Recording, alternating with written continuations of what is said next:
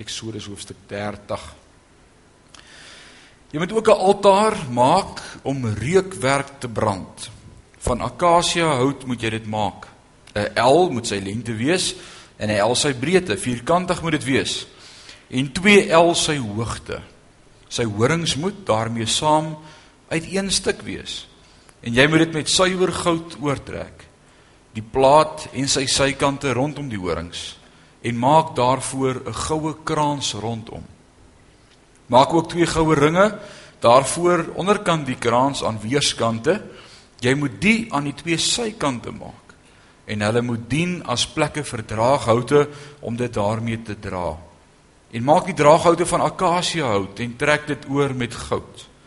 Sit dan voor die voorhangsel, sit dit dan voor die voorhangsel wat voor die ark van die getuienis is, voor die versoendeksel wat oor die getuienis is waar ek met jou sal saamkom. En Aaron moet daarop reukwerk en speserye aan die brand steek.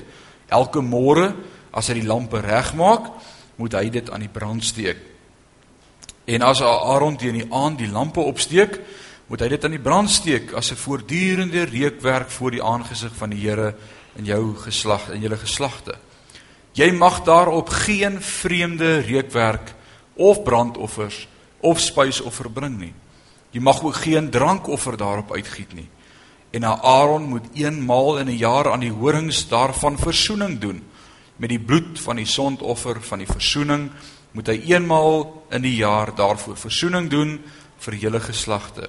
Hoog heilig is dit aan die Here. Amen. Kom ons doen net eers daardie eerste 10 verse en ons gaan vanaand begin weer te gesels oor die goue reukoffer altaar maar daar's 'n prentjie wat dit om en by beskryf. Is naaste en by, dis nie presies nie, maar is die naaste wat ek kon kry. Ek is nie goed met teken nie, so jy moet dit maar vat. En uh, kom ons gesê as bietjie vanaand daaroor. Ons onthou ons sê uit die tabernakel uit sover leer ons dat alles binne die tabernakel is simbolies van Jesus Christus. Alles. Alles hou verband met Christus, met sy kerk, met sy verhouding met ons met dit wat hy vir ons bewerk met sy karakter. Dis fenomenaal. Elke faset van die tabernakel. Dis regtig ongelooflik vir ons wat elke week hier is. Weet dis wat ons elke week net vir mekaar sê is wow. Alraight. So die hele tabernakel is deel van die karakter van Jesus. So ook vanaand hierdie goue reukoffer altaar. Hebreërs 13 vers 10 sê vir ons ons het 'n altaar. Wie is ons altaar? Wat sê Hebreërs 13 vers 10? Wie dink julle? Ek het dit net vir julle gesê. Jesus Christus. Hebreërs praat van ons het 'n altaar.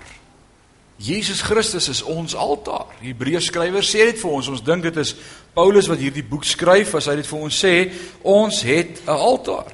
Maar nou sê jy maar ons het reeds in Eksodus 27 gekyk na 'n altaar in die tabernakel. Is dit nie so nie? Onthou julle? Dit was mos die koperaltaar. Die koperaltaar. En toe het ons vir mekaar gesê die koperaltaar is simbolies van Jesus Christus. Is dit nie so nie? Ja. Hoe hy vir ons sou sterf, die offer wat hy vir ons bewerk het aan die kruis aan Golgotha. Ons het gepraat oor die vier uh horings om die koperaltaar waaraan die offer vasgemaak moes geword het wat verteenwoordigend ook is die spykers aan die kruis. Maar ons het gesê dis nie die spykers wat Jesus aan die kruis gehou het nie, maar sy liefde vir my en vir jou. Alraight.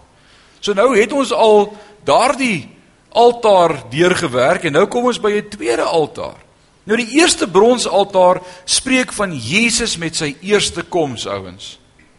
Lê dat jy dit sal sien vanaand. Jesus se eerste koms na die aarde toe as mens.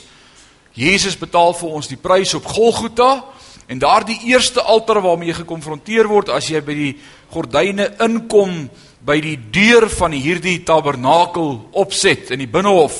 As jy in die tabernakel inkom reg voor jou was hierdie groote tabernakel hierdie uh altaar die brons altaar en hoe hoog het ons gesê was hy gewees 1,6 amper 1,7 meter hoog Dis so hoog. Sodat jy nie oor dit kan kyk nie, jy kyk in dit vas. Dis die eerste ding waarmee jy gekonfronteer word ook in die koninkryk van lig is Jesus Christus. Jy kan nie deel word van God se koninkryk as jy nie verby Jesus Christus die enigste offer beweeg nie. Jy moet hom aanvaar as jou verlosser en saligmaker. So dit spreek daardie altaar wat ons behandel het, die aanspreek van Jesus se eerste koms as mens op aarde. Maar nou behandel ons vanaand die tweede altaar en daar's 'n doel hoekom dit nou eers hier in Eksodus 30 behandel word. Die tweede altaar gaan ons sien, die goue reukofferaltaar spreek van Jesus in sy heilige werk in die hemel en as hy gaan terugkom. So die eerste altaar waarmee ons gekonfronteer word, is Jesus in sy vlees op aarde, die prys wat vir ons betaal word. Nou kom ons vanaand by die reukofferaltaar en ons gaan vanaand die karakteriste daarvan sien dat dit Jesus is waar hy nou vir ons in die hemel intree by die Vader. Ons gaan dit sien, ons gaan daarna kyk vanaand. Alraight. Die eerste altaar was brons. Brons is altyd simbolies in die Ou Testament van Is jy hier daai aand? Oordeel, waaroor ek oordeel? Dankie, oordeel. Wat nog? Brons is die simboliek van oordeel. Dit spreek van die kruis in ons plek. Jesus neem ons sondes op hom. Bloed moes vloei. Daar moes 'n lam geslag word of 'n bul geslag word vir sondes, vir die uitstel van ons sondes. Alraight. Onthou julle dit? En nou kom ons by die goue reukofferaltaar en Jesus sê hier vir ons, God sê vir ons, geen bloed nie. Geen bloed nie. Alraight. Dis nie brons nie, maar goud. sien jy dit? Hier is die goue altaar, waarvan spreek goud altyd? Godheid. Godheid. Alraight, so dis nie in sy vleeslike vorm toe hy op aarde was nie. As ons nou kyk na hierdie offeraltaar en ons sien die goud daarvan, dan is dit Jesus nou in sy huidige stand as koning in die hemel, ons verlosser. En dit wat hy nou vir ons besig is om te bewerk. En vanaand is vir my 'n groot blessing as ons hierna gaan begin kyk. Die Bybel sê deur een offer is ons saligheid bewerk. En watter offer was dit geweest? Jesus Christus aan die kruis. Hebreërs 10:26 sê as ons dan nou aanhou om opsetlik te sonde nadat ons tot die kennis van die waarheid gekom het, bly daar vir ons geen offer oor nie. Met ander woorde, dis presies dieselfde wat Hebreërs 6 vir ons sê. Moet daar dan nou weer 'n offer wees vir jou sondes? Kan daar weer 'n offer wees vir sondes? Nee, daar was een offer, dit was genoegsaam. Dit was vir alle sondes wat gedoen is, wat gedoen word, wat gedoen gaan word. Sonde se prys is betaal. Eenmaal oor en verby vir altyd. Alraight. So een offer is nodig. Daarom kan ons nie 'n tweede meubelstuk hê in die tabernakel en daarop weer vleis offer nie. Want daar was net een offer simbolies ook gewees, Jesus Christus. Nou kom ons by die reukoffer altaar. Nou waar is Jesus nou? Hy's aan die regterhand van God die Vader. Alraai, op sy troon. En wat doen hy vir ons daar? Hy Hy tree vir ons in. Hy is ons hoëpriester het ons geleer toe ons laasweek in die vorige week ook daarmee besig was. Eksodus 29, die hoëpriester, ons het dit 2 weke behandel, dat hy die een is wat vir ons intree by die Vader. Hy is die een wat eenmal ingegaan het om vir ons te offer met sy eie bloed. Wow, hy hoef nie weer elke jaar in te gaan nie, hy het een keer ingegaan.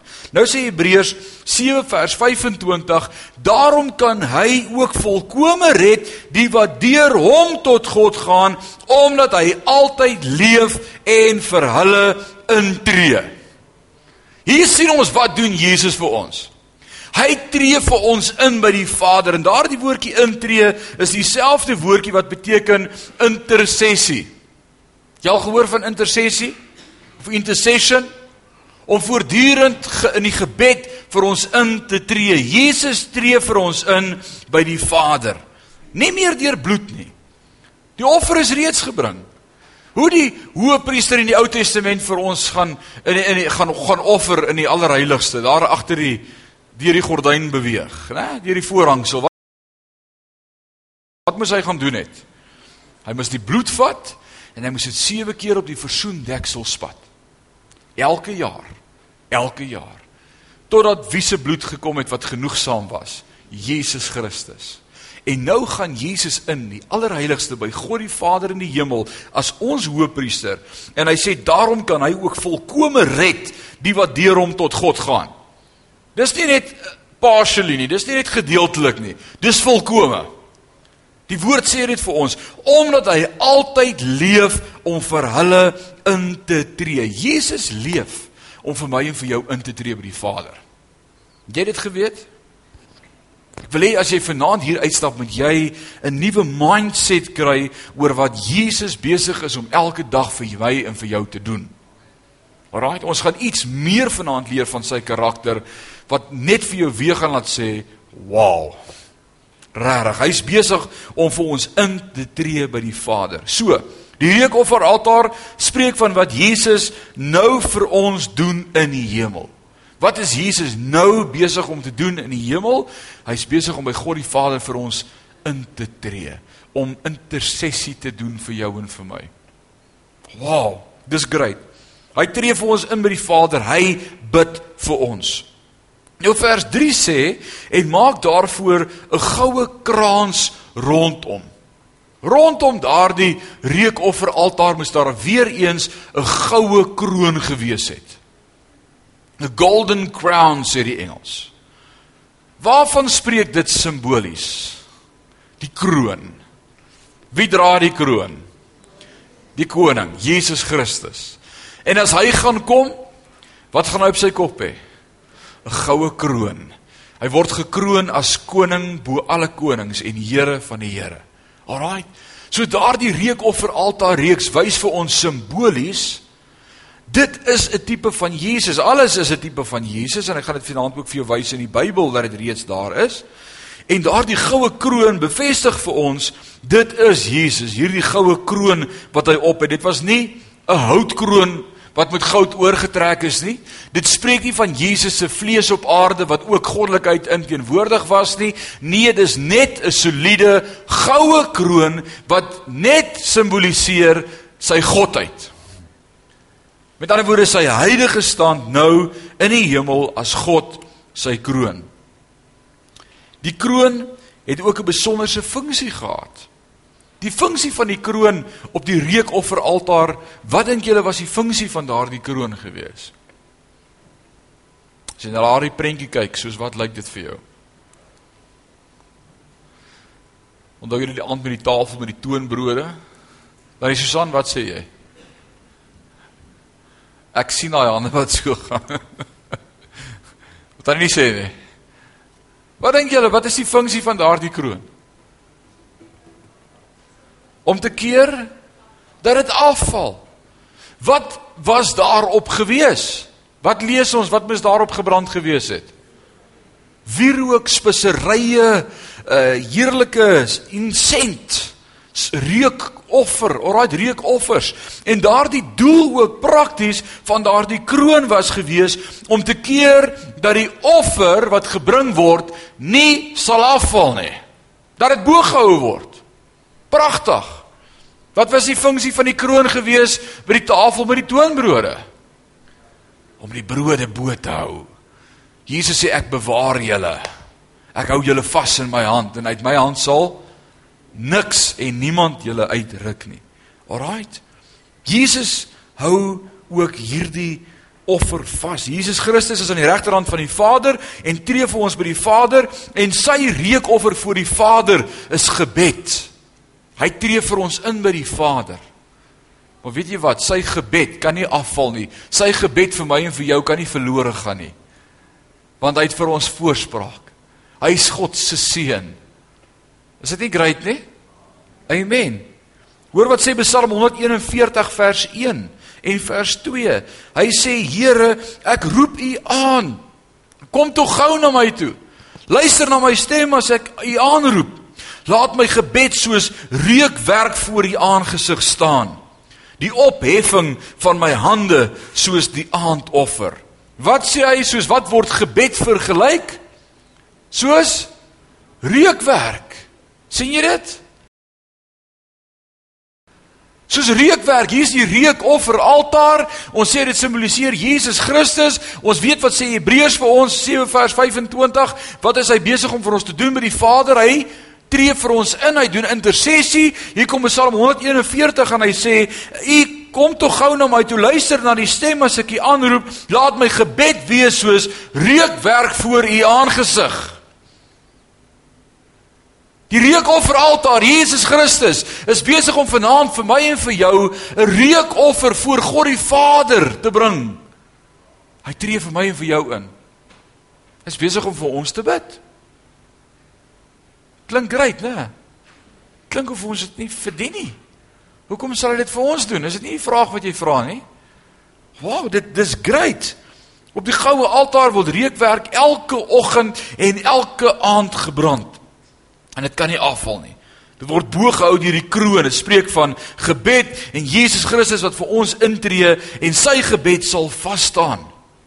Hoor wat sê Judas 1 vers 24. Aan hom nou wat magtig is om julle van struikeling te bewaar en julle sonder gebrek voor sy heerlikheid te stel met gejuig. Jy mooi gehoor wat sê hy? Dis 'n versie wat jy moet omkring in jou Bybel, Judas 1 vers 24. Aan hom nou wat magtig is om julle van struikeling te bewaar. Weet jy hy is magtig om ons van struikeling te bewaar? Jesus Christus, hy bewaar my en jou van struikeling en om ons sonder gebrek voor sy heerlikheid te stel met gejuig.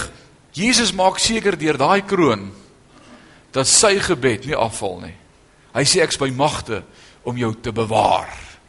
Nou as ons mooi gaan kyk na die konteks waar binne dit geskryf word in die oorspronklike taal, dan sê hy hy is nie net by magte nie, hy wil ook. Hy sê hy wat by magte is en wil julle bewaar. Dis sy gevoel. Hy wil ons bewaar. Hy sê net ek kan julle bewaar nie. Hy kan en hy wil. Amen. Die goue reukofferaltaar is baie kleiner as die bronsaltaar. Merk jy dit? Wat was sy dimensie gewees? Wat is hierdie een? 1L by 1L. As jy kyk in Eksodus 27, wat was die dimensie gewees van die bronsaltaar? Hoeveel L was die bronsaltaar? Eksodus 27. Hoeveel L was hy? Waar is julle notes? Hoeveel meter was hy? 2,2 meter by 2,2 meter by 1,1,3 meter. 2,2 meter by 2,2 meter. Alraai, dis groot. Ek dink was 7L gewees. Hoeveel? 5L. Nou kom ons by hierdie reukofferaltaar en kyk hoe klein is hy. 1L by 1L. Dis 'n ou klein dingetjie wat daar staan. Is dit nie so nie? Hoekom? Want Jesus hoef nie die Vader te smeek om sy gebede te antwoord nie. Hy het 'n oop deur by die Vader. Hy is die Vader se seun. Hy hoef nie te smeek deur dit wat hy doen asseblief as ek nou lank genoeg bid gaan jy dalk hoor wat ek sê nie. Hy kan net ingaan. Hy het 'n oop deur. Dis net daar simbolies dat ons kan sien, dis daar. Maar dit gaan nie oor die saais nie. sien jy dit? Dis daar, dis vas, dit staan vas. Gaan nie oor die grootheid daarvan nie. Hoor wat sê Ons het vir julle gelees Judas 1:24 aan hom wat nou magtig is om julle van struikeling te bewaar en sonder gebrek voor sy heerlikheid te stel met gejuig. OK, Jesus is besig om nou vir ons in te tree. Jy dink jy het soms 'n rowwe dag of 'n rowwe vergadering agter die rug gehad. Of jy sê hierdie was 'n rowwe week. Of hierdie was 'n rowwe maand. Of party van julle sê sover hierdie is 'n rowwe jaar. Right. Imagine hoe rof sou jou rofheid gewees het as Jesus nie vir jou inspraak en voorspraak maak oor die Vader nie. Jy al 'n oomblik daaroor gedink. As jy dink dit gaan nou rof, hoe rof sal dit gaan as Jesus ophou bid vir jou en ophou intree vir jou? Alraait. Jy's altyd die reuk van die offer. As jy altyd as jy in die heiligdom ingekom het, het jy die reuk van die offer gekry. Dadelik, dag en nag is dit gebrand, dag en nag. Altyd was dit 'n lieflike reuk voor die aangesig van hom gewees in die heilige gedeelte. Elke oggend en elke aand. In die reuk van gebed. Weet jy dat gebed ook 'n reuk het? As jy in 'n gebedsverhouding met Jesus Christus is, is daar 'n reuk. Jy kan ryk as 'n ou gebid het. Romeine 8 vers 26, hoor wat sê hy? Hy sê en net so kom ons kom ook die Gees ons swakhede te help, want ons weet nie reg wat ons moet bid nie. Maar die Gees self tree vir ons in met onuitspreeklike sigtinge. Hoor jy dit? In die eerste plek bid Jesus vir ons. Dit het nou vir jou gewys. Hy is die reukoffer altaar. Maar daar's nog een wat vir my en vir jou bid. Die Heilige Gees, Jesus se Gees. Net so kom ook die Gees ons swakhede te help, want ons weet nie reg wat ons moet bid nie, maar die Gees self tree vir ons in met onuitspreeklike sigtinge. Sy Gees bid deur ons, vir ons, saam met ons. Die Engelse vertaling sê dit so mooi. Wie het die Engelse Bybel by hom? Lees gou-gou daar in Romeine 8 vers 26. Die Engels sê dit so mooi en ek het dit nie ingetik nie. Romeine 8:26. Ek Tannie Shaal, are you here tonight? I haven't heard you yet. And in the same way, the Spirit does help in our weaknesses. For we do not know what we should pray, but the Spirit Himself pleads our case for us with groanings unutterable. Groanings unutterable. Dis nie 'n groaning soos ag nee nie. Dis nie 'n groaning soos moan, ag heerlikheid, wat bid jy tog nou nie. Alraight. Dis 'n passievol, emosionele betrokkenheid in jou en my direkte lewe. Dit wat nou met my en met jou gebeur, Gerard, as jy deur 'n krisis gaan en jy sê Here help, dan sê die Gees wat saam met jou bid, Here help vir Gerard. Dis dis met onuit met ander woorde ek het nie die vermoë om dit eers uit te spreek in woorde nie, maar die Gees tree vir ons in met passie, met empatie. Wow, dis great. God se Gees tree vir ons in. Julle ken almal Johannes 3 vers 16. Wat sê Johannes 3 vers 16? Want so lief het God die wêreld gehad dat hy sê sodat wat? Sodat niemand van ons verlore hoef te gaan nie, maar die ewige lewe kan beerwe. Is dit nie so nie? Dis great. Wie sê amen? Maar wie ken vers 17 uit sy kop uit? Ek moet soos by die hoërskool maak vir R50. Ouens, Vers 16 is great, maar vers 17 is nog belangriker. Hoor wat sê vers 17? Hy sê want God het sy seun in die wêreld gestuur nie om die wêreld te veroordeel nie, maar dat die wêreld deur hom gered kan word.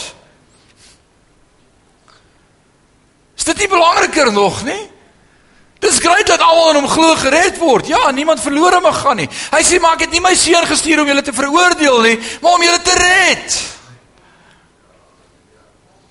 Wat is sy doel met my en jou? Wat is God se doel met ons? Om ons te red. God is nie geheimsinnig oor sy intensie met jou nie. Dis nie soos 'n wanneer jy en jou meisie nou vir 'n ruk kuier en jy wonder nou wat is hierdie ou se storie nou nie. Ek wonder wat is sy motief? Waarheen is hierdie verhouding op pad nie? Jesus is van die begin af pront uit, pront as hy sê ek wil jou red. Is dit nie great nie? Hy wil jou red. Hy wil jou red. Hy wil my red. Elkeen van ons red. Stamp aan die een langs hier en sê hy wil jou red. Hy wil jou red. Dis wat hy wil doen. Alraai, dis sy hart. Hoor wat sê Romeine 8 vers 34. Hy sê, "Wie is dit wat veroordeel? Wie is dit wat veroordeel? Christus is dit wat gesterf het. Ja, meer nog, wat ook opgewek is, wat ook aan die regterhand van God is wat ook vir ons intree. Is dit Jesus wat ons veroordeel? Wat is Jesus se werk?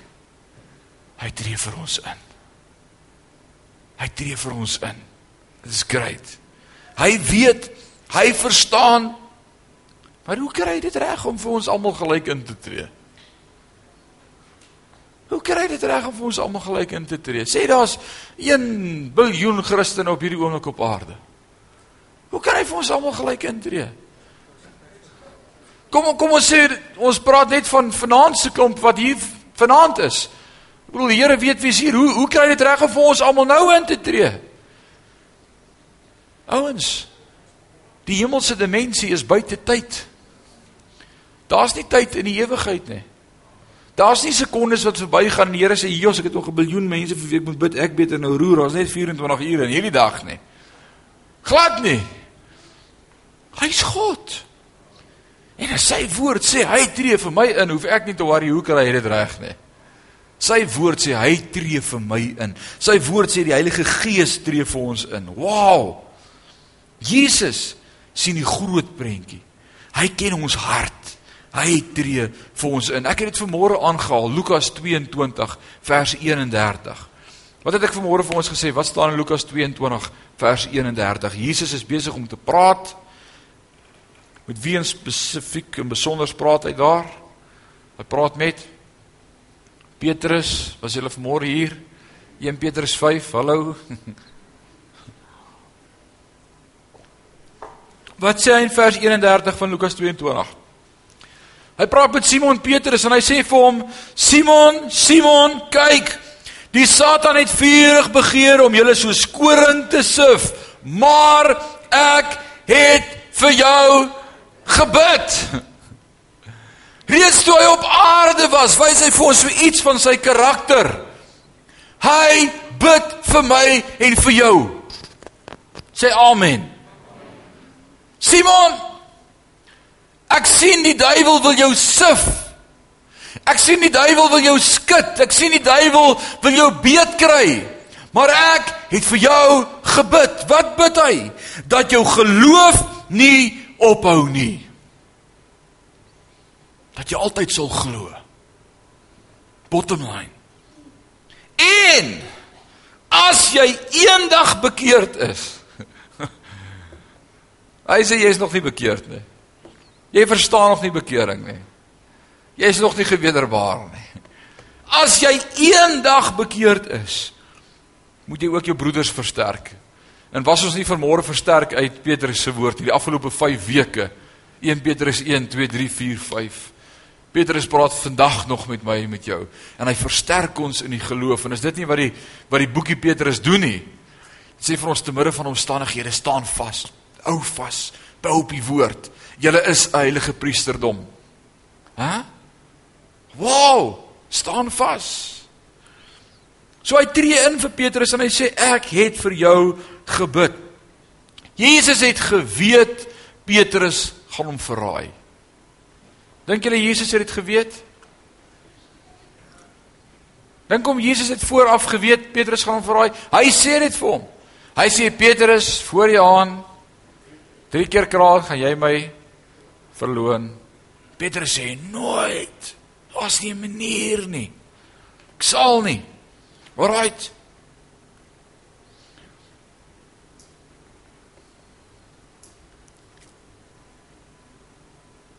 As ons kyk wat die Griekse frase is van Petrus, daardie gedeelte waar hy Jesus verloon. As ons mooi gaan kyk waar daardie gedeeltjie sê, daar waar hy sê and he cast, né, daar waar hy gevloek het.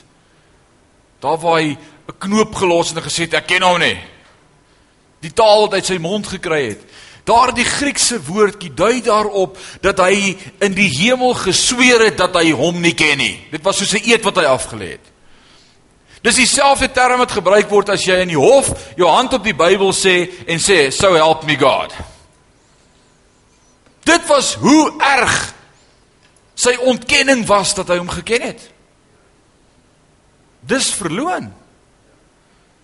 Hy sê sy sy sy vra vir die diensmeisietjie, "Is jy nie een?" En hy sê, "Ek sit my hand op die Bybel, ek het nog nooit van hom gehoor nie.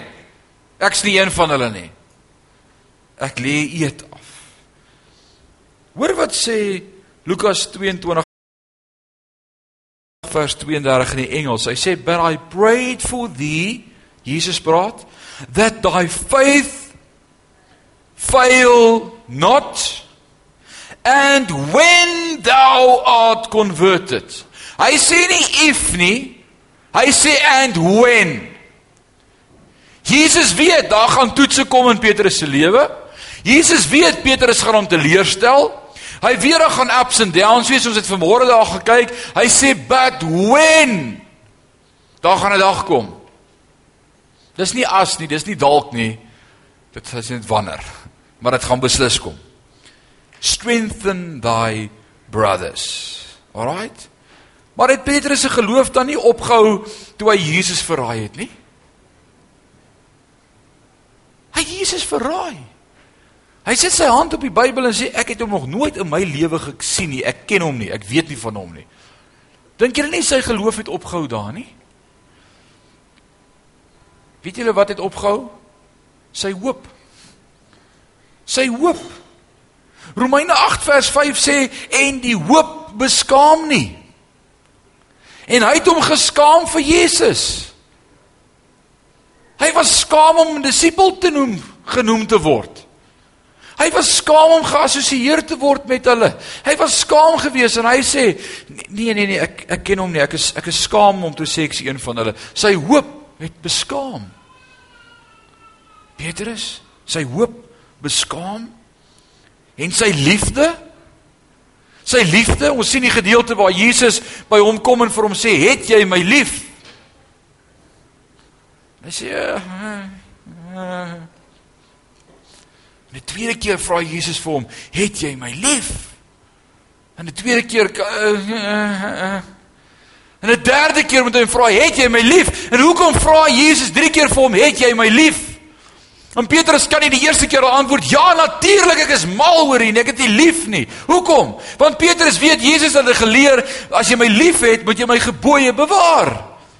En ek het U verloon. Ek is skaam vir U, ek het U gedrop. My liefde het my ook gedrop. Maar sy geloof toe Jesus daar verbygaan en Petrus sien Daar gaan Jesus en hy word gelei na die kruis, het hy hartseer geword. Hy het berou in hom gehad. Hy was geroer. Hoekom? Want hy het nie sy geloof in Jesus verloor nie. Hy het altyd geloof gehad in Jesus Christus. Is dit nie great nie? Maar die geloof het nooit gefaal nie. En hy sê and when thou art converted strengthen thy brethren. Jesus sê ek bid vir jou. Daar gaan tye wees wat ons voel ons drop hom. Daar gaan tye wees wat ons voel ons het ons liefde verloor, ons eerste liefde. Dis een van die van die van die sewe briewe wat geskryf word in Openbaring waar Jesus sê dit het ek teen julle dat julle julle eerste liefde verloor het. Hy praat met kinders van God, hy praat met die gemeente. Hy praat met ouens wat sê ons is lief vir die Here. Hy sê julle het julle eerste liefde verloor. Maar wat sê hy? Wat is die remedy? Wat is die antwoord? Bekeer julle. Bekering kan ook in 'n kind van God se lewe plaasvind. Bekering is nie net van die wêreld af in godsdiens in in, in Christus in nie. Bekering is ook vir my en vir jou nodig vir elke faset van ons lewe waarmee ons sukkel. Dis die antwoord vir jou issues. Ja, maar ek is al 20 jaar terug tot bekering gekom. Daar's dalk nog 'n paar dinge waarvan jy moet bekeer word. Al is jy in die koninkryk, al is jy deel van God se volk, al is jy deel van sy kinders, daar's fasette in ons lewe waar ek nog steeds moet sê, Here, bekeer my ook hiervan. Hy moes bekeer word van sy hoop wat beskaam het. Hy moes bekeer word van sy liefde wat gefaal het. Maar sy geloof het vasgestaan. Want Jesus sê, ek bid vir jou. Alraight. Ek wil sommer nog iets vir jou wys wat vir my baie interessant is. Openbaring 8 vers 1 sê en toe hy die sewende seël oopmaak, kom daar 'n stilte in die hemel omtrent 'n halfuur lank. En baie teoloë, baie teoloë bespiegel oor hoekom is daar 'n halfuur stilte in die hemel gewees. Party sê en is glad nie snaaks nie en ek vind dit glad nie amusant nie. Hulle sê dis dalk omdat daar nie vrouens in die hemel gaan wees nie, maar ek kan dit nie dink nie. Right. Dis dis glad nie snaaks, dis nie snaaks nie. Maar halfuur stilte in die hemel? Hoekom? Wat sal 'n halfuur lank stilte in die hemel bring? Wat dink jy is so belangrik dat daar vir 'n halfuur lank in die hemel stilte gaan wees?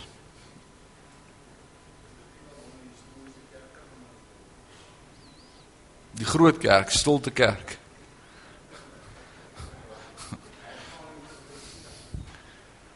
A halfuur lank stilte in die hemel? Ek wil vir jou help. Elke keer as jy in die Bybel op 'n plek kom wat jy vra hoekom, lees net verder. Dit gaan jou help. Kom ons lees net verder. Vers 2. En ek het die sewe engele gesien wat voor God staan en sewe basyne is aan hulle gegee. En 'n ander engel het gekom met die goue wierookbak by die altaar gaan staan. En baie reukwerk is aan hom gegee. sien jy wat is hy mee besig? Die reukofferaltaar in die hemel. Wat het ek die heel eerste aand van Tabernakel vir jou gesê? Wat Hebreërs ook vir ons sê, dat die hele Tabernakel 'n prentjie is van dit wat in die hemel gaan wees. En ek het vir jou gesê die rede hoekom ons Tabernakel doen is as jy die emmer skop hierdie kant en daarbo kom, dat jy nie voel soos 'n plaas Japie in die stad en sê wat gaan hier aan? Jy gaan presies weet Dis dit, dis dit, hier's dit, hier's dit. Hier praat Openbaring 8 van die reukofferaltaar. Goue een. Great. Hy sê 'n ander engel het gekom met die goue wierookbak by die altaar gaan staan en baie reukwerk is aan hom gegee om dit met die gebede van die heiliges op die goue altaar voor die troon te kom lê. Wie's op die troon? God die Vader. En 'n halfuur lank is daar doodse stilte want al wat gebeur is hierdie engel bring die wierook met al die gebede van die heiliges voor die troon van God die Vader. En ek kan hoor hoe God sê, "Sst, ek wil hoor." Sst. Sst. Wat bring stilte voor God? My en jou gebed. Ek en Eileen sit op die bed in die kamer. Ons kyk dalk TV. My laaitjie speel daar buitekant en ek hoor die stem van Dewald. En ek vat die remote en ek druk pause en Eileen begin praat en ek sê vir haar, "Sst." En sy verstaan nie wat dit sy verkeerd gedoen het. Maar ek hoor my kind daar buite. En ek ken sy stem en ek weet wanneer dit sy boetie omgeroer. Ek kan in sy hul hoor hoe ernstig is dit. Partykeer sit ek hierdie remote net neer en ek begin hardloop. En dan het hy gewoonlik van die klimraam afgeval of sy boetie het hom gedeer soos vanmiddag om met die tou om sy bene vas te maak en uit die boomhuis te spring. Oh man. Die seuns. Ek sit agter my rekenaar en ek hoor hoe sê Chris Dewald net hier langs aan. Chris, Dewald kom hier en Dewald kom daai sê, ek het dit net gedoen. Doen jy dit? Dis baie oulik. Ek dink jy lieg. Nou loer ek so by die uit. Ek hier maak hy die tou om Dewald se voete vas. Ek moes intervene. Ek moes sê, "Ho ho ho ho. Chris, wys eers vir ons hoe jy dit gedoen." Nee. hy wil sy broer gebruik vir 'n demonstrasie om eers te kyk of dit werk. Maar as iets wat stilte bring tussen my en jou, is dit by jou ook so? As jy besig is om met iemand te praat in jou foonlyn, jy sien as een van jou kinders wat bel, dan is dit soos wag, wag net, ek moet eers hoor wat sê hy. En dis wat stilte bring ook in die hemel hier in Openbaring 8. Die oomblik toe hierdie engel met die wierook wat die gebeure is van die heiliges voor God, eh, dis asof God sê, "Sst." Nou bly doodstil. En hy vat hierdie gebeure en hy bring dit voor God. God luister. Is dit nie great nie? Daar's iets wat God se aandag trek. Daar's iets wat vir God vir die res van die mense laat sê, "Sst." My en jou gebed. My en jou gebed my en jou gebed. Dis ons gebede. En is sekerlik een van die moeilikste dinge om in 'n gedissiplineerde verhouding met God reg te kry, is goeie tyd met gebed. Kom ons wees eerlik vanaand. Dissipline in jou gebedslewe. Dis seker die moeilik. Ek praat nie van seën Vader seën sop. Ek ek praat nie van 'n vinnige gebedjie voordat jy gaan slaap nie. Ek praat nie van die oggend wakker word en net sê, "Ooh, dankie dat ek so lekker kon slaap." Help ons vandag dat ons ons beste sal gee. Amen nie. Ek praat van tyd van gebed met Vader om in te tree. Reukoffer voor sy troon. Tyd van aanbidding. Tyd van intree vir medebroers, kinders van die Here, susters van die Here. Bid vir sy kerk, bid vir die vervolgde kerk. Bid vir sy werk op aarde, om sy naam aan te roep en hom groot te maak. Tyd in gebed. Dis seker die moeilikste ding wat ek en jy kan doen. Want wie weet en wie kan vanaand bely ek sê amen. Elke keer as jy dink nou gaan ek bid, dan lei die foon of daar's 'n klop aan die deur of die kind skop die hond of iets gebeur. Sit in jou huis ook so? Sit net by my? Daarom kom Jesus ons en hy leer ons in Matteus 6, hy sê as jy bid, gaan ek vir jou raad gee, ek gaan vir jou sê hoe om te bid. Gaan in jou binnekamer en sluit jou deur. En ek vir sê ek kon nog nooit 'n beter manier kry om werklik te bid as om dit te doen nie. Trek jou foon uit, los jou foon buite, trek die gordyne toe dat jy nie sien wat gebeur nie. Gaan in jou binnekamer, sluit die deur en kwaliteit tyd met God gebed. Hoekom? Hoekom is dit so moeilik? Hoekom maak die duiwel dit vir my en vir jou so moeilik om regtig kwaliteit tyd met God te spandeer? Hoekom? Waar was die reukofferaltaar geposisioneer in die tabernakel? Wat was die meubelstuk wat die naaste was aan die reukofferaltaar? Net ander kan die voorhangsel was die versoendeksel. En daar sê God, en daar sal ek met jou ontmoet. Dis wanneer jy jou reukoffer altaar voor God bring. Dis wanneer ek en jy in aanbidding voor God kom dat hy met ons ontmoet. Is dit nie so nie? Dis waar God met ons ontmoet. Die reukoffer altaar. Dis die naaste plek aan die Vader. Dis hoe ons in die allerheiligste kom verby die reukofferaltaar. En die reukoffer spreek van intersessie gebed. 1L by 1L. Dis klein. Dit sê vanaand vir my nog 'n paar dinge. Ek wil sê dis nie die size van jou gebed wat God beïndruk nie. Moet ek dit weer sê? Party ons het nodig om dit te hoor. Dis nie die size van jou gebed wat God beïndruk nie. Dis die opregtheid. Ouens en iewers het die duiwel vir ons deur al die jare vertel, dis deernag bid en is 10 ure bid en is 'n uur bid en is moeilik om te bid en is lank om te bid. Nee. Groot woorde en lang sinne en herhaling van woorde. Hy sê moenie soos die fariseërs op die straathoek staan met 'n uitsluitlike herhaling van woorde en dink jy beïndruk my nie. Daar's die is dit die tollenaar. En wat bid hy? Matteus 6, hy sê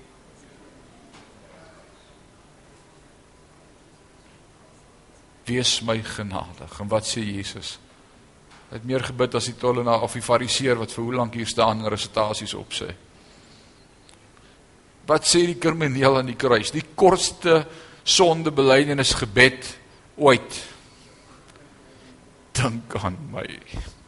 Die kortste gebed ooit. Iemand vra nou die dag vir my, het jy nie vir my 'n uh, sondaarsgebed nie? Ek wil iemand na die Here toe lei.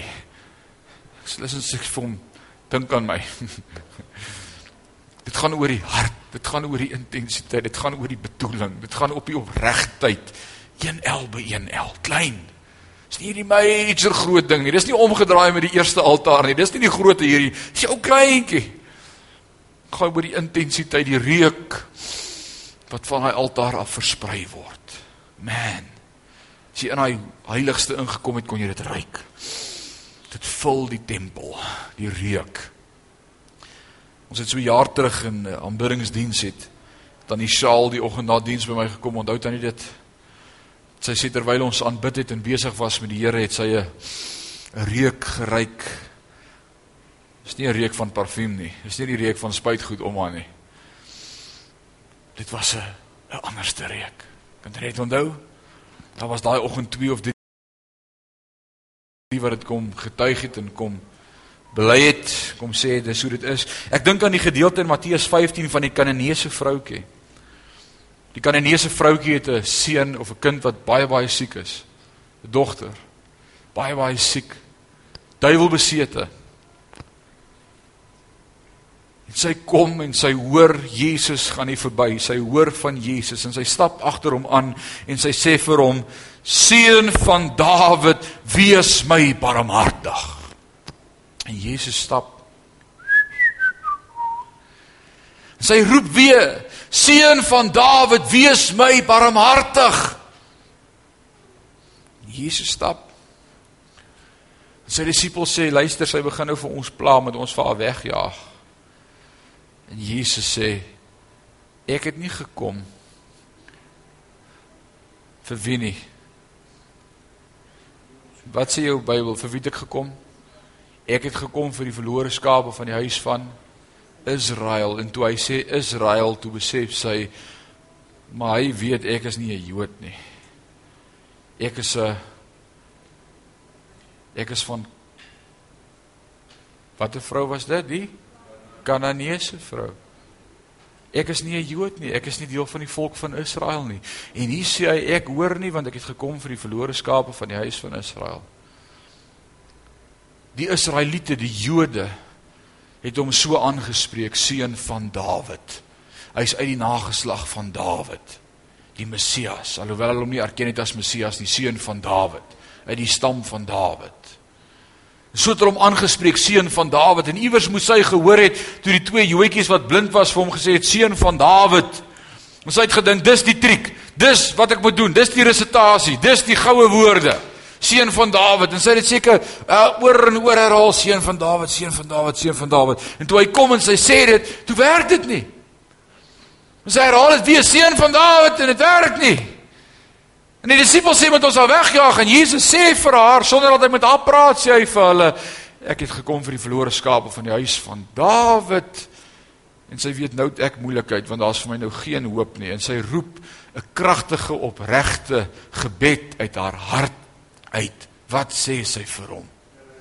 Here, help. En hy het gestop. Dis die rekel vir altaar.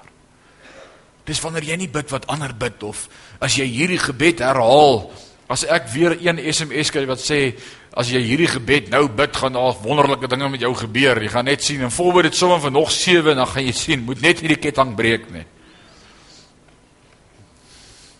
Ek breek sommer iets anders.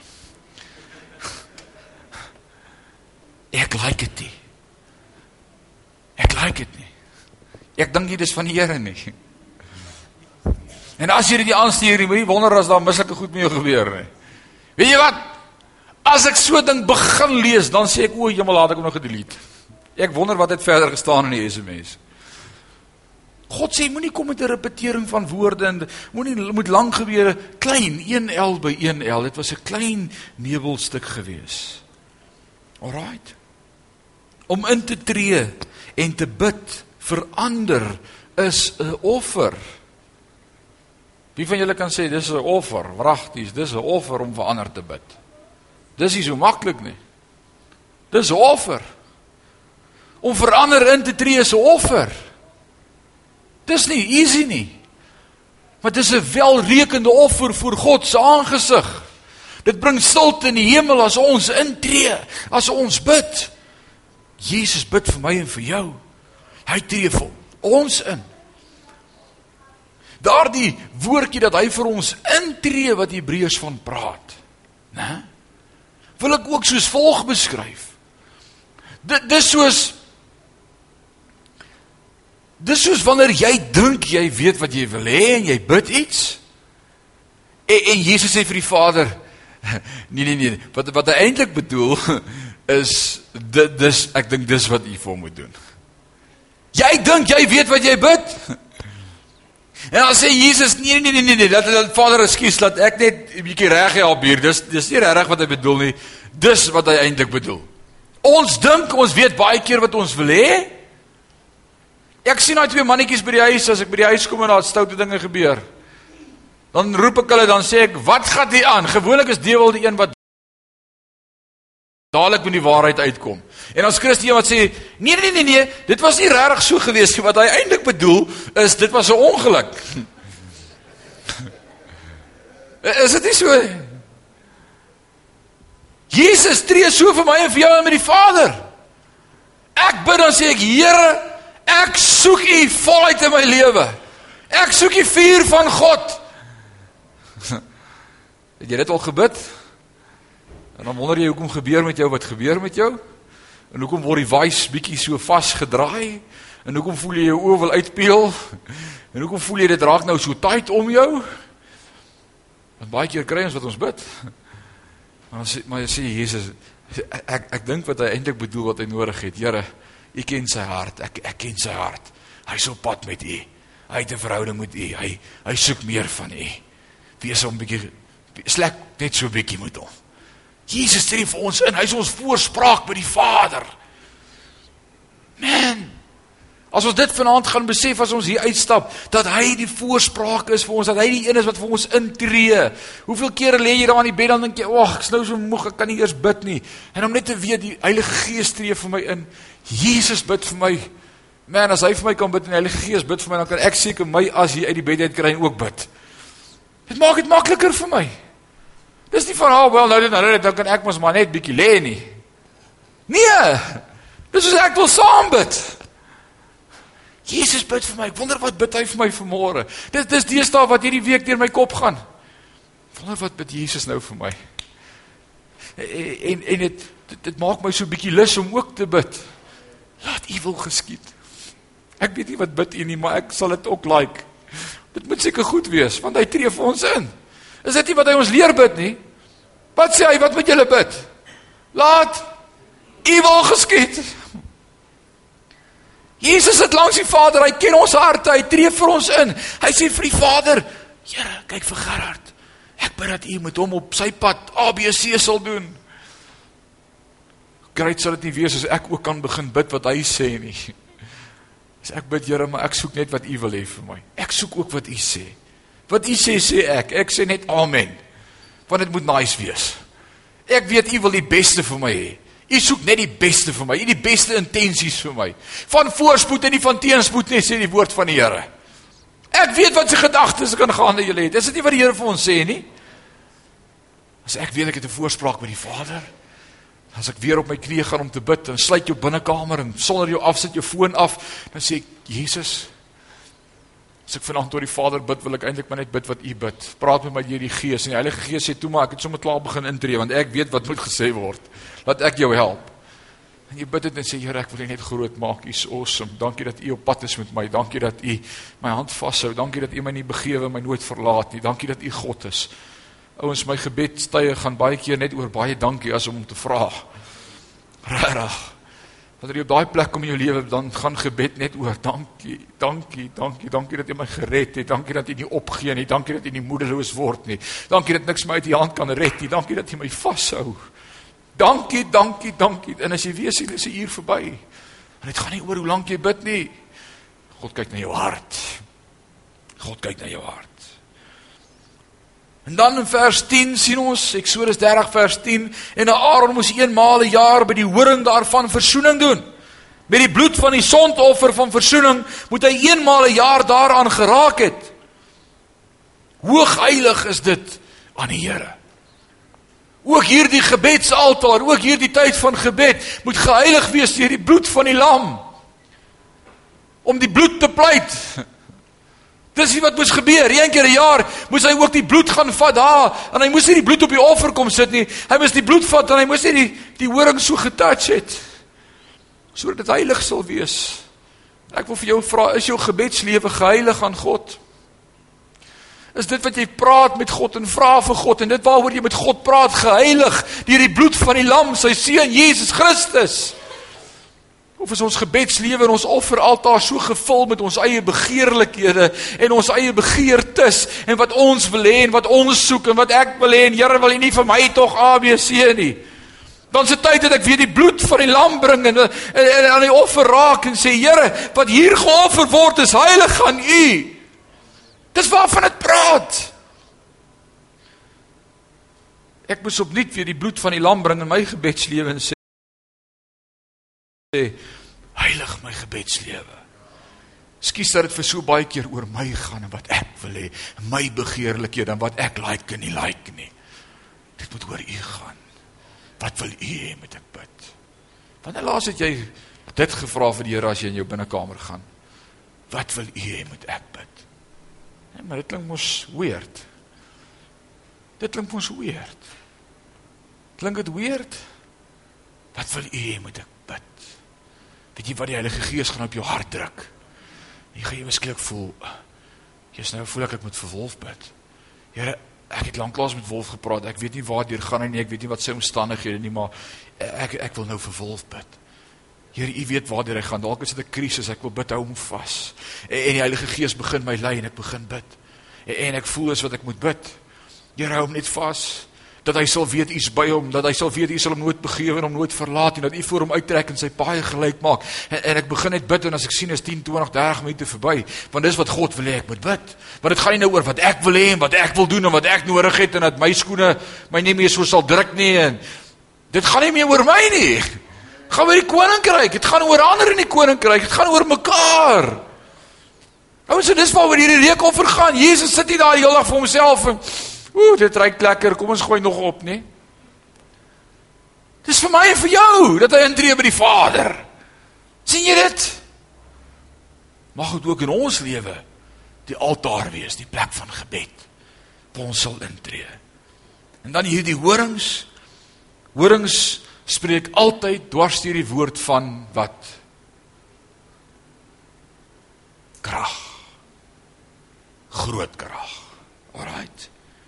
En ek wil vanaand vir jou een ding sê. Daar's krag in gebed. Wie kan sê amen? Daar's krag in gebed. En die duiwel weet dit baie goed. En hy probeer vir my en vir jou verhinder op alle moontlike maniere deur ons eie gevoelens, deur ons eie emosies, deur ons eie begeerlikhede om ons ander goed te laat bid as wat God wil hê ons moet bid, om ons meer selfbehep te maak en selfgefokus te maak en onvergenoeg te wees. Bid ons verkeerd. En hy sê julle het nie want julle bid nie. En as julle bid, bid julle verkeerd. Daar's groot krag in gebed. Die woord van die Here sê die gebed van die regverdige dra groot krag. Kom jy agter dat daar krag is in jou gebed? Of moet jy vanaand sê my gebed voel kragteloos? Dan wil ek vir jou sê heilig weer die reukoffer altaar met die bloed van die lam. Fokus weer 'n slag op waaroor jy bid. En begin sê wat God sê. Homo logio. Ek sê wat God sê. Ek bely wat hy bely. Ek herhaal wat hy vir my sê. Ek gou die woord soos wat dit is. Ek bid nie my eie begeerlikhede of wat ek wil hê nie. Ek sê wat u sê. Homo logio. Ouens, is dit nie amazing nie? Vir wie was vanaand 'n blessing? Om te weet opnuut dit gaan oor gebed. As ons kyk na vanmôre en ons kyk na vanaand, ek's vanmiddag besig met vanmiddag se ding en ek dink, "O, oh, Here, maar ons het vanmôre hierdie goed aangeraak. Ek het gesit en lag." Regtig net. Doen ek ek keer maar is dit nie amazing dat vanmôre vanaand so goed elke keer so by mekaar kom die laaste ruk nie. Is dit nie? Dit is so dieselfde. Ek en hom toe praat nou die dag af van. Ons preek al vir hoeveel 10 weke tabernakel. En ewe skielik kom die goed net so by mekaar. Oggend en die aand. Priesterdom. Heilige priesterdom. Woordbelydenis. Vandag se is gebed. Kom ons begin 'n volk word wat God se aangesig gaan soek deur weer te begin bid. Ek glo daar's krag in gebed. Ek weet dit, ek bely dit. Ek weet vanaand soos wat hierdie vir my baie beteken, As ons dit gaan begin doen ook in jou binnekamer, as jy weer gaan begin om hierdie rook reukoffer altaar ook in jou binnekamer weer aan te steek. Ja, Jesus doen vir ons verzoening met die Vader. Ja, hy tree vir ons in. Ja, hy is ons een wat intree ons voorspraak by die Vader. Hy is die een wat vir my en vir jou bid. Die Heilige Gees bid vir my en vir jou. Maar weet jy wat? Ek het ook iets om te bring. Ek kan ook bid. Ek kan ook bid. This amazing. As jy hierdie deel maak van elke dag in jou lewe, gebed. Gebed. En is nie lank gebede nie. Net 'n kort gebed. Net 'n kort gebed. Maar opreg uit die hart gedrewe, kragtig. Amen. Ek gaan 'n geleentheid gee dat ons gaan staan of as jy wil kniel of as jy voor wil kom lê of net sit. Maar ons vir die volgende 5 minute, dis nie lank nie, 5 minute. Dis nou amper kwart oor. Vir die volgende 5 minute wil ek hê dat jy net daar waar jy sit of staan of kniel of lê werklik met God gaan kontak maak. En vanaand hierdie ding in jou hart gaan vasmaak. Ek wil hê bid gefokus. Nou bid jy nie vir jouself nie. Jy bid wat God op jou hart lê om te bid. Alraai. En as die Here nou op jou hart lê om vir iemand te gaan bid en jou hand op iemand te gaan sit en saam met iemand te gaan bid, dan is jy gehoorsaam. Maar vir die volgende 5 minute gaan ek jou challenge. Kom ons bid bietjie. Kom ons bid bietjie. Kom ons bid bietjie. En ek wil jou challenge as jy wil hard bid. Hoor, daar gebeur iets wanneer 'n ou begin hard bid. As jy sag bid, dwaal jy af, jou gedagtes dwaal af. Maar wanneer jy begin hard bid, bid jy gefokus. Bid jy gefokus. Kom ons begin bietjie bid. Kom ons begin bietjie God se aangesig soek. Halleluja. Halleluja. Dankie Here.